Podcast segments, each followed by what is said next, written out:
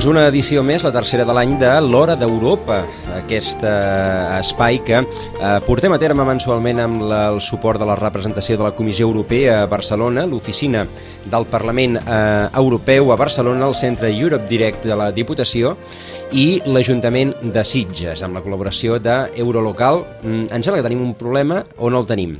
Jo, jo, jo, jo et sento tu perquè estàs aquí, però no et sento a través del... A través del micro. Sento la música de fons. Doncs ara ara ho mirarem de resoldre, Vale. eh, si de cas. sí, exacte. això de moment i fem-ho a l'antic- a l'antic a la- Ulsanza. A no, que l'antic deien? Ulsanza.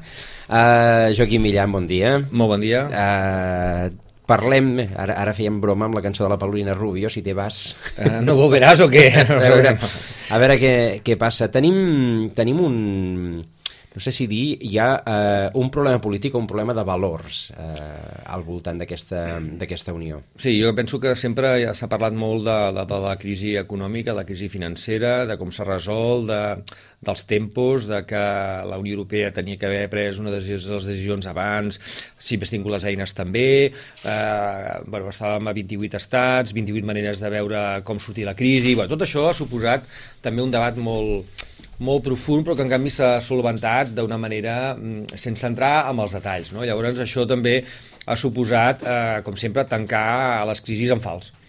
I a Europa, o la Unió Europea en aquests moments, eh, això li està passant factura, perquè eh, no era només una crisi financera o econòmica, eh, sinó era una crisi que venia de, de valors, jo penso que aquest és un tema que hi ha molta gent que ja coincideix en aquests moments, i que ara, a més, eh, tenim la crisi institucional, és a dir, aquesta crisi de valors va suposar que hi hagués una crisi econòmica i financera mmm, perquè es van fer les coses malament, perquè els valors no eren, uh, no era la prioritat, i ara ens trobem amb el mateix, tenim una crisi institucional a la Unió Europea perquè els valors no tornen a ser la prioritat. Aquests valors que van fer eh, que, que naixés el projecte europeu després d'una Segona Guerra Mundial i després d'una sèrie de, de situacions que es va veure que la millor manera de resoldre la, els problemes mm, era poder buscar els acords i per buscar els acords es va buscar un sistema que aleshores era la Comunitat Econòmica Europea, avui coneixem com Unió Europea, però pensa que, penso que a vegades les generacions es van oblidant de, dels perquès i avui en dia, doncs, a mi, eh, que, bueno, si alguna cosa tothom té clara és que sempre he estat un europeista optimista,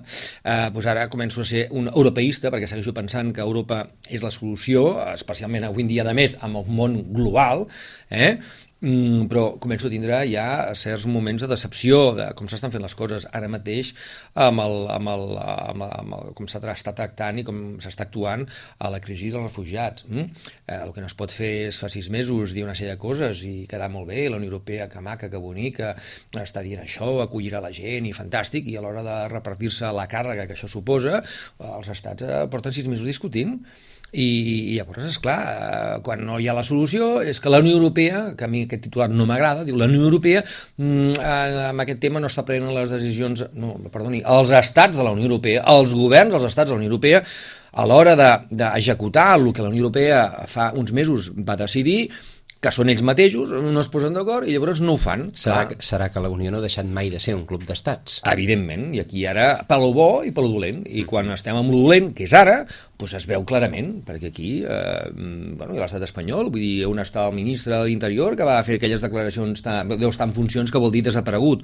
Eh, clar, i, i, i ho dic en aquest cas concret perquè el coneixem més, però també ho podríem fer extensiu a altres estats als 28, eh? però vull dir, clar, on estem ara nosaltres mateixos, m'entens? Clar, eh, i això és decepcionant, és molt decepcionant, perquè això, a més, ens passarà factura. O sigui, hem de ser coherents també amb l'actuació que ha tingut els últims temps la Unió Europea. Mm, I, per tant, eh, hem d'anar molt al tanto, perquè això ens passa factura també en aquest món que deia global, vull dir, al final, eh, vull dir, tot això ens passarà eh, factura eh, d'una manera o d'una altra hi heu vist els refugiats, ara estem parlant també en el pitjor moment de la Unió Europea dels últims anys, bueno, doncs està en un referèndum a quatre dies vista, com aquell que diu, quasi, quasi a la Gran Bretanya, el famós Brexit, no?, que, que, perquè tothom ens entengui, no? Mm, bueno, és clar, cuidado, és que ve aquest referèndum en el pitjor moment, no en el moment que, eh, que Europa és sexy, que Europa guais, que Europa va endavant i que les coses van bé, ens arriben al pitjor moment. Eh? Vull dir, la crisi econòmica i financera encara no s'ha tancat, avui llegim els diaris que, que la Unió Europea torna a exigir a, a, a, al govern en funcions o amb el que vingui, perquè ja no sap a qui adreçar-se, doncs que s'han de seguir fent sacrificis. De fet, ja ho va dir en campanya, que al govern del Partit Popular no li va agradar, però ja li va dir, mm, estàs fent uns pressupostos per aquest any que no són reals.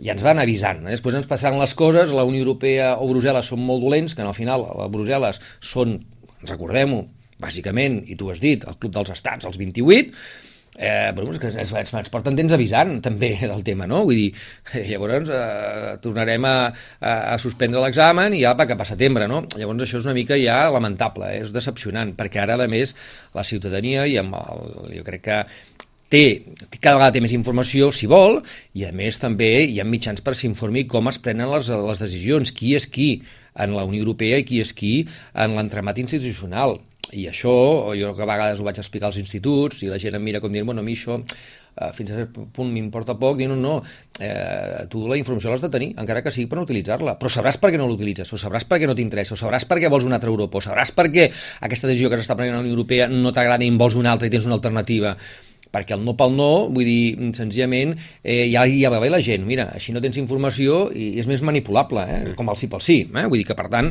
hem de tindre els arguments, eh? Eh, jo que a vegades vaig, eh, participo en, en, en seminaris o, o màsters d'universitaris, doncs quan em toca fer algun mòdul, alguna classe, jo sempre dic, dic, mira, a mi, que a vegades em toca, normalment faig les classes pràctiques, eh, amb exercicis i, i d'això, doncs, sempre dic, escolta, a mi el que m'argumenti, un bon argument, encara que no sigui la solució, té un 5, perquè jo el que vull és que vostès pensin, pensin, no pensin per qui els aprovi, no pensin per si mateixos i encara que la, la, la resposta no sigui l'adequada, pel sol fet d'haver fet un bon argument, ja tindran un 5, perquè ens hem d'acostumar a pensar, i això és una de les coses que ens està també a nivell de societat civil eh, ens està costant perquè ens han acostumat també a no pensar els últims temps. Sí, eh, una, un llegeix els titulars i pensa que potser fins i tot ni a les cimeres pensen. Bueno, clar, també pensem, eh, senzillament, mirem com s'acabarà fent un govern espanyol, quins són les negociacions avui en dia, des, de que, des del 20D, mm, -hmm. tant que se'n parla, des del 20D, mirem exactament les negociacions que estan portant, els temes importants que s'estan sobre la taula, que s'estan debatint, eh, per intentar millorar, perquè al final jo suposo que és un deu ser, el, deu ser el gran problema, deu ser aquest, és a dir, com millorem la vida a la ciutadania eh, que viu en aquests moments a l'estat espanyol, i en tot cas, com intentem eh, que tinguin eh, millors oportunitats i, i, i millors serveis i una millor situació de la que en aquests moments provenim, no? I, bueno, veiem que això, mm, jo encara no he vist massa un debat realment en sèrio d'aquests temes, vull dir, estem parlant de cadires, estem parlant de candidats, estem parlant de que si vostè... Una mica, una mica allò de... una mica molt mediterrani, no? Aviam, eh? Qui és més xulo, no? I clar, aquest debat... Eh, jo crec que no és seriós, no és seriós. Aquest, eh, aquest problema de, de, de model eh, europeu de valors eh, tu que estàs en contacte, que viatges a Brussel·les de tant en mm-hmm. tant, que estàs en contacte amb gent que, que té mm-hmm. molta... Com, com ho està vivint, doncs això, l'europeista convençut? L'europeista convençut malament, perquè, mm, aviam, aquesta manca de valors que en uns estats pues, poder és més evident que en altres, però també amb els que no ho és tan evident, també que aquesta manca de valors existeix, també hi ha preocupació, és una preocupació generalitzada, el que passa que com que Europa és diversa, les, intensitats, les intensitats són diferents, m'entens? Però això també està passant al nord, està passant al centre Europa, a països com Alemanya, perquè a vegades veiem també notícies que ens sorprenen i veiem pues, que també estan canviant, canviant eh, comportaments i on està el, el, el valor, no? Avui, avui llegia també eh, a la premsa doncs, doncs, bueno, que el problema més important que en aquests moments té Espanya és la corrupció per sobre de l'atur, per sobre el terrorisme, per sobre no sé quantes coses, és la corrupció amb número 1. Però és que, és que cada dia, eh, i, i mira que hi ha notícies que ja no surten. Clar, i, i, i també quan ho parles a Europa, també parla, bueno, també hi ha corrupció a Bèlgica, també hi ha corrupció aquí, també hi ha corrupció allà, i dius, ostres, doncs, pues, pues, que és un mal de valors, hm, de com s'han fet les coses els últims temps torno a, torno a dir, amb intensitats diferents, perquè altres països, vull dir, una vegada t'han pillat, és que judici i presó, no, no s'està per punyetes. Aquí els judicis, si és que vas a judici, eh, bueno, quan s'acaba ja ni te'n recordes, no?, perquè porten no sé quant de temps, no? I per tant, aquest també és un altre dels problemes, és a dir, els problemes de que per aquí, la, perquè aquí nosaltres la percepció de la corrupció la tenim eh, número 1 i la tenim, eh, vull dir, tan arrelada a, a una cosa que és desastrosa, que és el nostre comportament diari, perquè avui deia aquesta, aquesta notícia justícia. Diu, això fa que a partir d'ara hi ha certs comportaments socials que comencen a ser deshonestos amb l'argument de que, bueno, si aquell ho fa perquè jo no. És a dir, ara pues, algú et diu alguna cosa, no m'acuerdo, ja està. Ja està. Si, jo, si això val, el no me acuerdo, no sabia, me fiava de, de la vecina, pues, pues, pues, pues, si això val, jo no val sabia, per tots. Jo no, jo no sabia de factures, per dir... Clar, clar llavors no sé, no sé què, no sé, eh, què ens ha costat... Eh, un esade, eh, va dir-ho. Sí, clar, eh, clar, un esade, vull dir, llavors, esclar, però aviam, eh, mira, un esade que se l'ha pagat ell, sí, però hi ha persones que resulta que l'esade l'hem pagat entre els nostres impostos. A mi m'està preocupant que amb els meus impostos he pagat, segons unes, unes formacions que la majoria de gent no hi arriba i que resulta que ara, eh, no, no m'acordo, no sé, d'esto no entendia, senzillament, no, mira, escolta'm, clar, si això val, val per tothom. I aquest és el mitjatge que estem donant a la societat. Si això val per una classe, la que sigui, val per tothom. Llavors, clar, tenim un problema social que s'està veient doncs, amb aquestes enquestes i amb aquests estudis, no? I això, altres països que la corrupció també existeix, es talla abans, perquè la gent eh, dimiteix, no és que li ha de demanar, eh, va a presó, doncs sí, perquè mira, m'han enganxat, he pringat, doncs ja ho entenen, és part també del negoci, si la fas la pagues, aquí si la fas te n'en surts, i aquest és una mica el que hauríem d'intentar donar-li la volta, perquè això eh, al final passa factura. Uh -huh. Doncs incorporem a la conversa i saludem a la politòleg, sociòleg i història del pensament, Albert Balada. Uh, Albert Balada, bon dia. Hola, molt bon dia. Un dels nostres analistes, anava a dir, de capçalera d'aquesta hora d'Europa amb Joaquim Millan, que ara aquí estàvem, estàvem parlant de valors.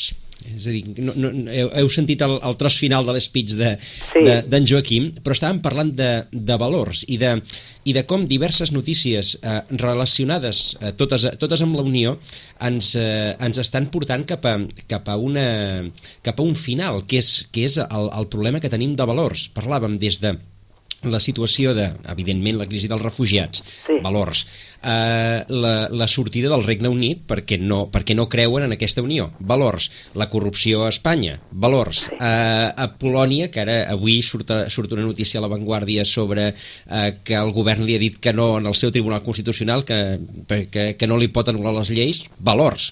És a dir, que al final tot, tot, tot, tot acaba en els valors. Home, és que teniu en compte que la, la política és valors. Uh mhm. -huh. És a dir, no, no, eh, tenim una imatge una mica així esbiaixada en, en general, no?, del que suposa, i potser perquè, perquè el nom s'ha pervertit, no? Però quan, quan ens anem als, als clàssics, els grecs i els romans, que són els que substancialment doncs, comencen la teorització, estem parlant això d'unes eh, normes morals que, que ens autoimposem i que d'aquestes se'n deriven després tot un seguit de legislacions, una manera de fer una manera de designar els representants, però que el nucli fonamental són uns valors essencials que entronquen amb la llei natural, en diríem, no? Uh -huh. eh, el que passa que ha arribat un moment que, bé, eh, eh, com, com molt bé deia el Joaquim, doncs eh, bé, quan, quan, quan passa determinades coses s'ha de fer determinades coses i hi ha països en els que això no passa, no?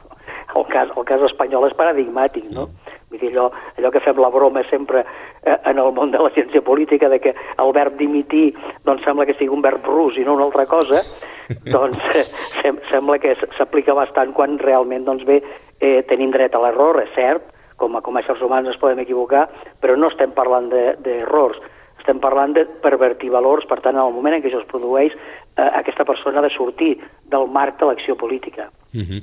Per tant, eh, davant, davant d'aquesta crisi de valors, si tenim una, una institució que s'ha vestit a partir d'uns valors al llarg de tota la seva història i que l'excusa final de, de pertany en aquest club estaven, estava en els valors, malgrat que també hi havia, òbviament, un interès econòmic, clar, si anem... Eh, anem baixant el llistó d'aquests valors, finalment, doncs, fins i tot l'autoritat que pugui tenir aquesta, aquest club mmm, s'anirà Norris. Bé, jo, jo hauria de, de matisar-ho, això que esteu dient. Eh? Matiseu jo, jo el que vulgueu. Jo la situació no la veig tan malament després del puig que ha fet la Gran Bretanya. A veure. És a dir, eh, la Gran Bretanya mm, eh, no, no apareix als papers, però ja sabem que a les reunions sempre hi ha negociacions secretes.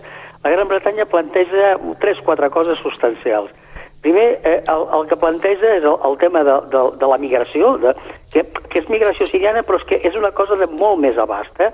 Estem parlant d'un flux migratori que ens ve gairebé des de Pakistan i que està eh, arribant, diguem, fins a, fins a Turquia. Eh? Estem veient tot un flux de moviments migratoris que respon, en molts casos, a, l'estereotip de països que s'havia creat a partir de la Segona Guerra Mundial, és a dir, si agafem i veiem un mapa de les realitats ètniques d'aquells països, en donarem compte que els estats no quadren amb les realitats ètniques, per tant, eh, eh, és fàcil entendre que hi pot haver conflicte en aquests llocs, i, per altra banda, eh, se'ls ha dit amb aquesta gent, se'ls ha dit, eh, jo crec que malintencionadament, i, i, i, i no sé amb quins interessos perversos, que eh, a Europa hi havia un tractat que es diu Tractat de Schengen que permet la lliure circulació de les persones per la Unió Europea.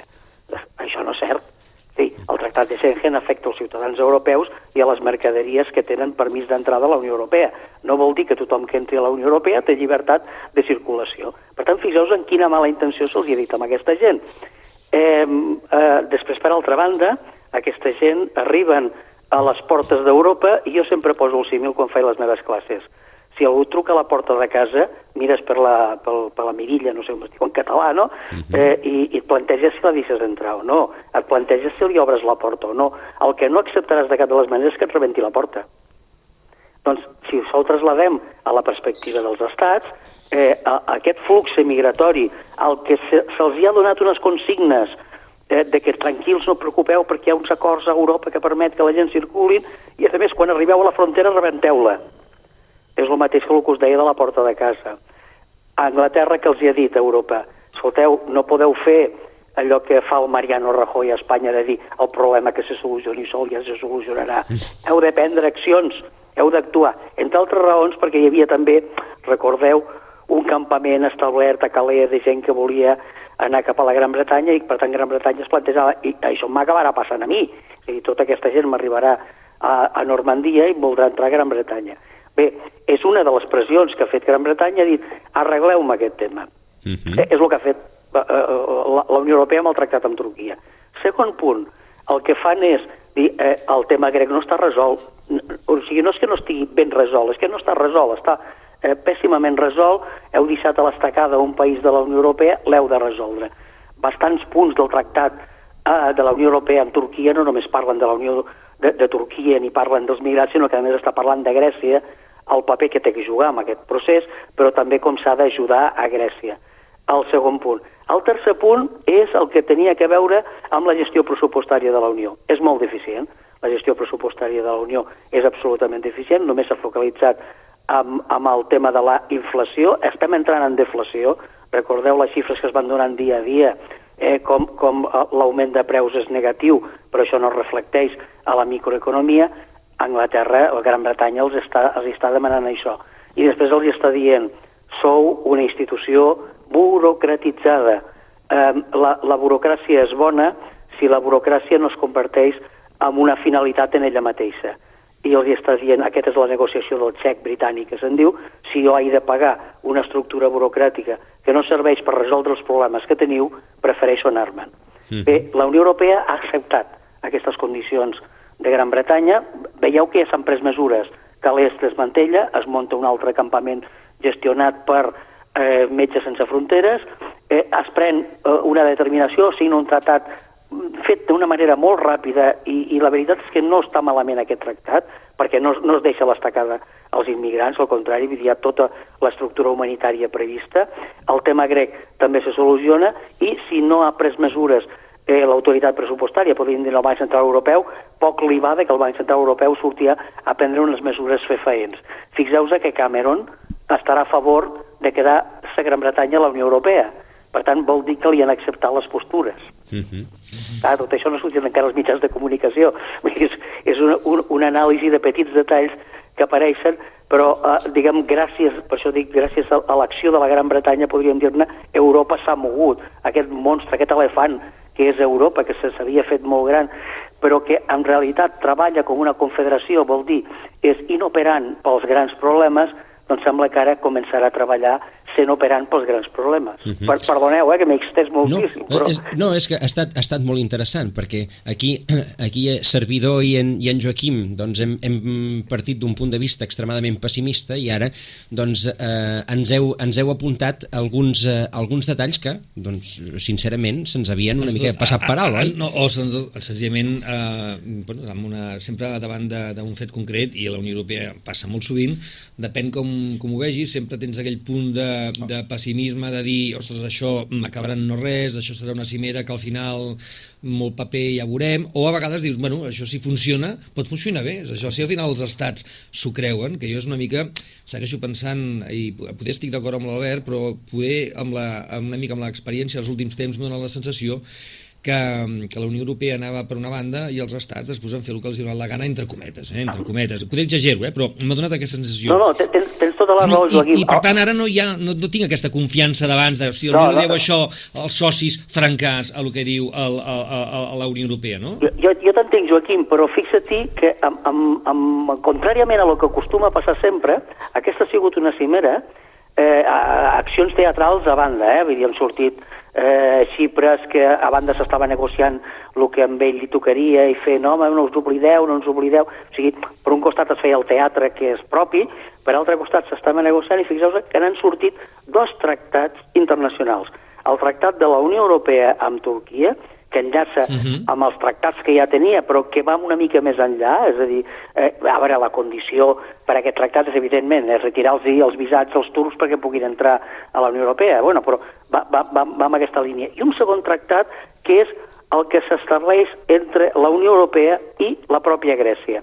Per tant, eh, és de les poques cimeres, diria, fetes en els dos darrers anys, eh, que han sigut realment efectives, que no ha sigut això una trobada de líders amb els sopars i dinars de qüestió i la fotografia de grup.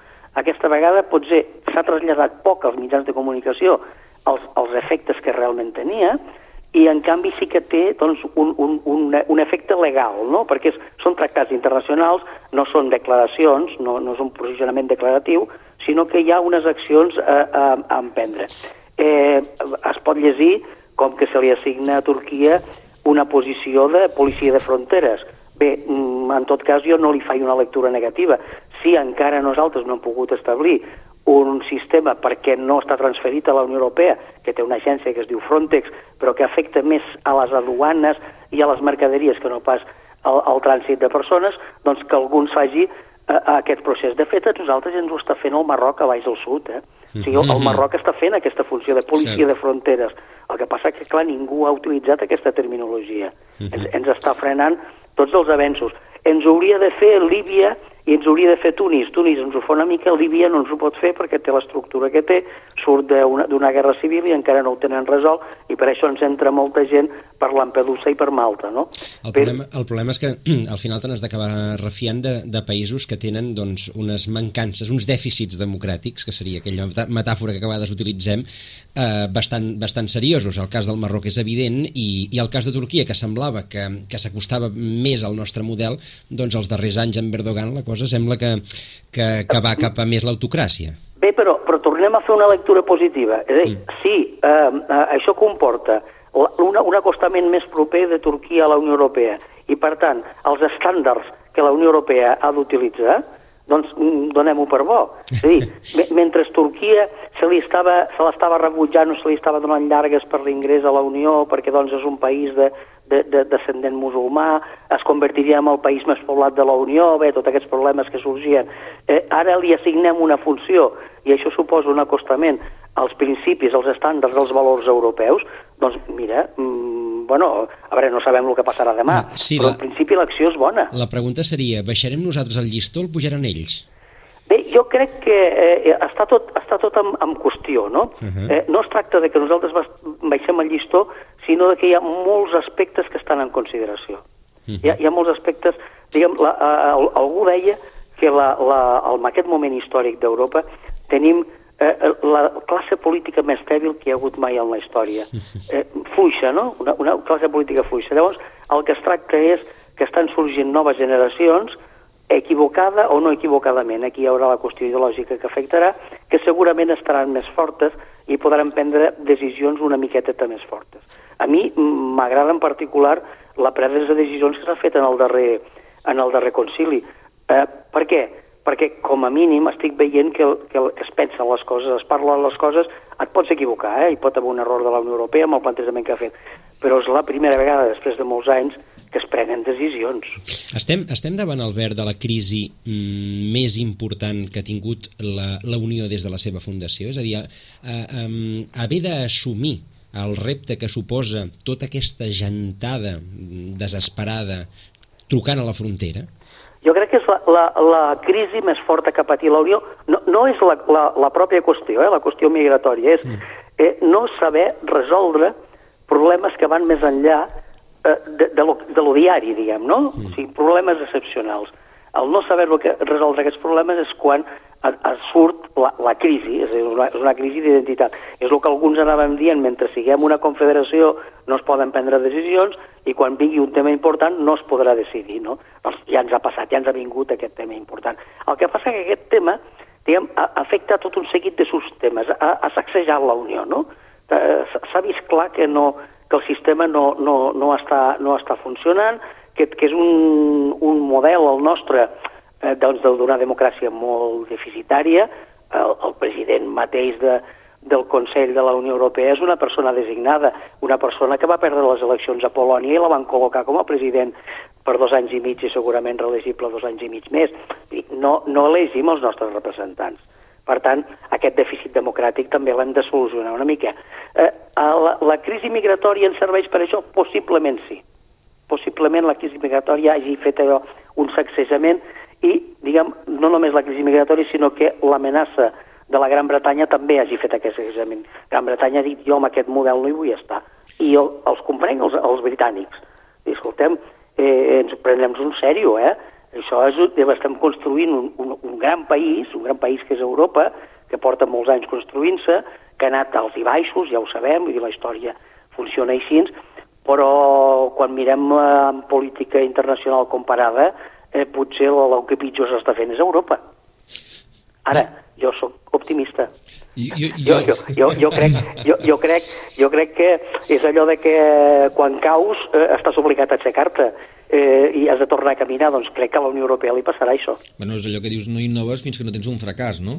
Per tant, jo penso que també podríem estar amb, un, amb innovar aquest model que fins ara fu, havia funcionat, d'aquest club d'estats, que en dèiem Unió Europea, i que les regles de joc, en una situació concreta que és l'actual, amb un món globalitzat d'una manera ja evident, doncs ha fet una cosa que tu ja havies dit, i que de fet se sabia, vull dir que això a l'hora de la veritat, en els moments de la veritat, no funcionaria perquè no era un bon model per poder prendre decisions, no? De fet, el Tractat de Lisboa, eh, que ja va durar de gestació nou nou, nou, nou anys després de, diguéssim, dels dos referèndums que es van perdre, eh, malgrat els dos que es van guanyar, eh, d'aquell tractat pel qual s'establia una Constitució Europea i, i al final, al cap de nou anys, vam treure el Tractat de Lisboa. Jo sempre llavors me'n recordo, te'n recordes, Joan? Jo deia, eh, a Europa estaran massa lenta per un món que cada vegada va més ràpid i això ens passarà factura i, de fet, ara ens està passant una mica factura i ara hem de resoldre eh, a, a, a, a, la manera de, de prendre decisions, que és el que tu deies, Albert, que, que, que deies, després de dos anys sembla que ara,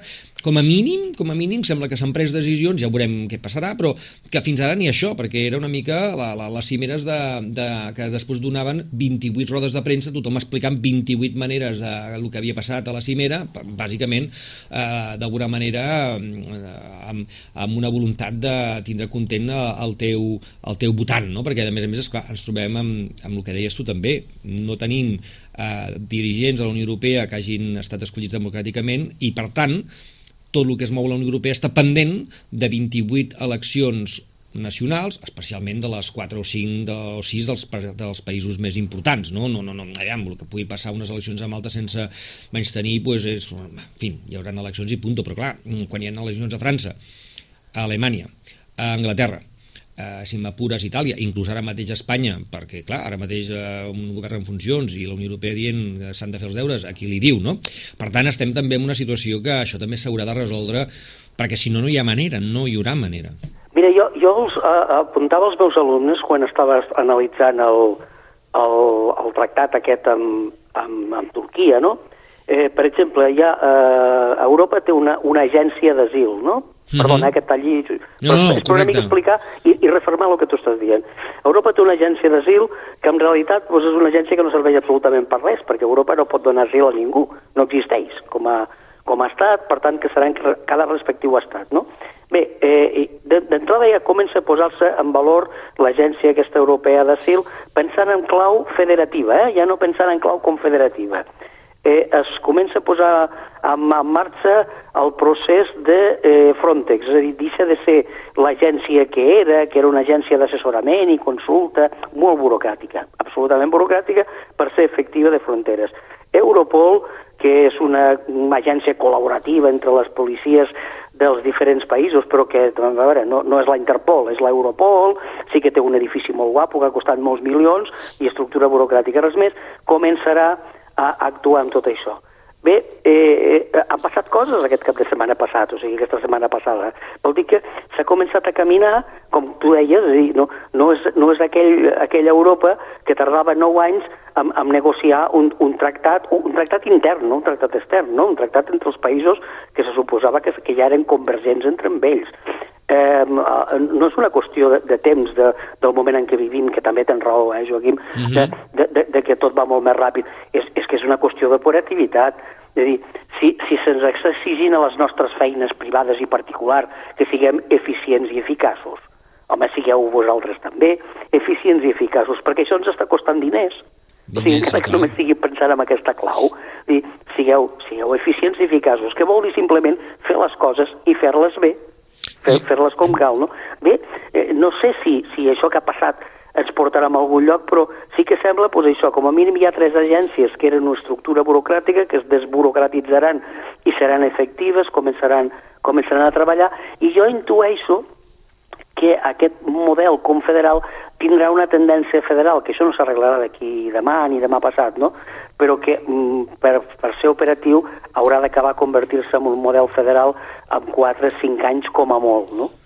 I una cosa que també, eh, no sé què en penses, però a mi em dóna la sensació que que els darrers temps, els darrers temps tampoc em refereixo als darrers anys, però sí als darrers, eh, poder al darrer any, estic veient una cosa que a mi sí que em, em genera un punt d'optimisme, que és que veig que, i ho dic perquè la gent del meu entorn m'ho pregunta poder ara més que abans, mm, cert interès, cert interès de la ciutadania per qüestions clau que estan, que estan passant a la Unió Europea i que intueixen que els hi està afectant o que els hi afectarà al seu... Vull dir, la gent, el tema de la Gran Bretanya m'ho pregunten, escolta'm tu, però això de la Gran Bretanya, que més, tu com ho veus? Però això va en sèrio? No, però això al final... Cosa que abans doncs, la gent no me'n preguntava, eh? anàvem a sopar i parlaven d'altres coses també molt més divertides, no? Però ara també, amb les coses divertides, aprofiten la vinentesa per dir, escolta, tu això com ho veus? O el tema dels, el tema dels refugiats, el tema dels refugiats també ha fet que tot un sector del que en diríem el tercer sector eh, de les ONGs, no a nivell espanyol, sinó a nivell de la Unió Europea, s'hagi mobilitzat i hagi començat a, a debatre bueno, davant d'un fet com aquests, què hem de fer i com des del sector civil hem de pensar a favor o en contra. També és veritat que hi ha hagut això suposat que altres sectors de la societat que no estaven d'acord eh? també s'han també s'han posicionat i ha començat a haver-hi un debat ciutadà sobre aquestes qüestions, no? Ah, sí, eh, vas, vas una mica en línia el que t'estava dient, jo ho he focalitzat molt a les agències europees, no? Però, però per exemple, la, la, la qüestió de que eh, doncs, a nivell de la Unió Europea hi ha un 10% de pobresa detectada, o sigui, a la població. En el cas espanyol i català és bastant més alt. El català mm -hmm. estaria la pobresa sobre el 18% de la població... Ahir ho deien al Parlament de Catalunya, i, el debat, sí. I, I en el cas espanyol estaria sobre el 25%. Bé, eh, eh, migracions a banda, eh? vull dir que li hem de donar la solució que li hem de donar com puguem, eh, plantegem-se això, senyors, perquè no estem mirant el que, és, el que tenim nosaltres a casa, eh? És a dir, estàvem, estem mirant cap a fora i, i ens fa despertar això que ens ve de fora, això que nosaltres tenim. Això vol dir que hi ha hagut accions que s'han fet burocràtiques, s'han convertit en burocràtiques, però que no eren accions efectives. I les preguntes que et fan, Joaquim, és perquè, eh, eh diguem, ja, eh, estem en, en, en una Europa que ens la creiem, no? És a dir, eh, Gran Bretanya ja no, ja no és allò tan llunyà nostre, no? Gran Bretanya la tenim a tres quarts d'hora en vol d'avió, o mitja hora, no sé, no? Eh, la, la gent ja no ho veu tan lluny.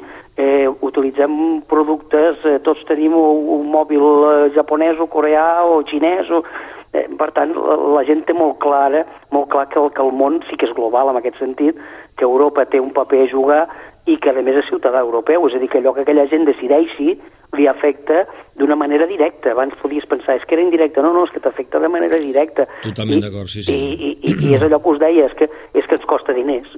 permeteu que sigui, que sigui tan pragmàtic, no?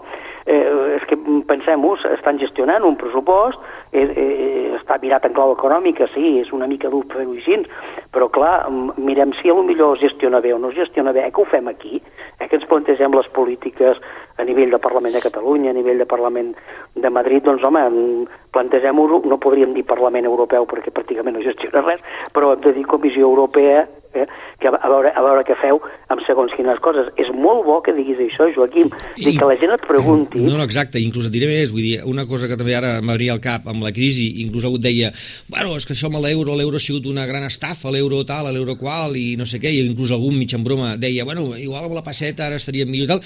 Ara, al cap de dos anys, de, diguéssim, del moment més àlgid de la crisi aquí a casa nostra, la gent l'euro el veu com, una, una, com un valor positiu que ha suposat el que hem estat dins el que diríem un paraigües que era l'euro, que possiblement això encara ens hagi anat, a, hagi anat bé perquè haguéssim pogut patir qui més, etc etc etc. No? I per tant, inclús l'euro, que en un moment donat havia estat qüestionat i vist com el gran... perquè a vegades necessitem eh, eh tindre la foto d'algú o donar-li la culpa a algú i era fàcil donar-li la culpa a l'euro, que l'euro al final és una moneda que és una eina. Mm, no, no, eh? està, està clar, Joaquim. El, el, el que passa que el I ciutadà... en canvi ara es veu positiu, no? Escolta'm. El, el ciutadà és intel·ligent i, i, i el que sí que percep és que la, la gestió de l'euro és la que ha estat mal feta. Ara, és dir, ara, aquest eh, com, com s'han creat la, la, la cistella de monedes per fer el càlcul, com s'ha creat el, el càlcul de la riquesa de països, perquè tothom anava traient pit i, i llavors resulta que potser no calia creure tant pit perquè és que tancaria el, el peu de la teva moneda, perquè en el cas català i espanyol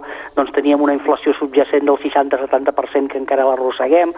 Clar, això no significa que, que l'euro no sigui una bona eina, que no sigui un bon instrument, no? El que passa que, clar, hem estat molt mal gestionats, aquesta és la qüestió, no? Llavors, de lo que es tractaria és, allò no ho podem arreglar, ja està fet, per tant, bueno, arreglar sí que ho podem, és a dir, passar-ho a fer-ho bé, i és l'exigència que em sembla intuïda el que tu em dius, no? La gent ja comença a plantejar-se, eh, siguem exigents, plantegem-nos si això es fa bé, si no es fa bé, eh, de demanem les coses. I d'acord que les eleccions europees només hi participa el 50% de la població, però en tot cas l'opinió pública comença a plantejar-se que, que és Europa on se decideixen moltes de les coses importants i per tant s'ha de ser molt exigent penso. No, I a més a més hi ha una cosa que tu has dit abans que és certa, que ara mateix, jo a vegades repeteixo abans, eh, explicava que vaig amb un projecte a instituts i, i ara cada vegada més quan faig xerrades i els dic no és qüestió de fer la feina, sinó la feina s'ha de fer bé, perquè el resultat és diferent, cada vegada m'escolten com dient tens raó, I, i també jo crec que el que deies tu abans, no estem volent que estem entrant en una època que s'ha de fer la feina bé, sigui, això que és, que és exigible... En, en, de qualsevol en 30 que... segons, senyor Balada. 30 segons. Pues, això que, que, que exigeixen a qualsevol funcionari quan accedeix a l'administració pública, que ha de conèixer perfectament el que se'n diu de les 3 eficàcia, eficiència, economia de temps i de recursos, doncs és el que és aplicable a totes les administracions públiques, a Europa també.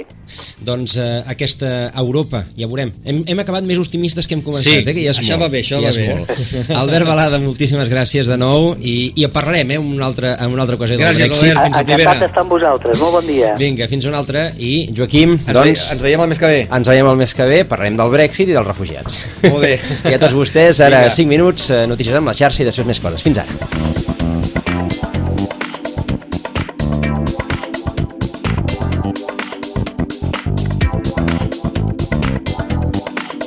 A Ràdio Maricel, cada dia, al matí amb nosaltres.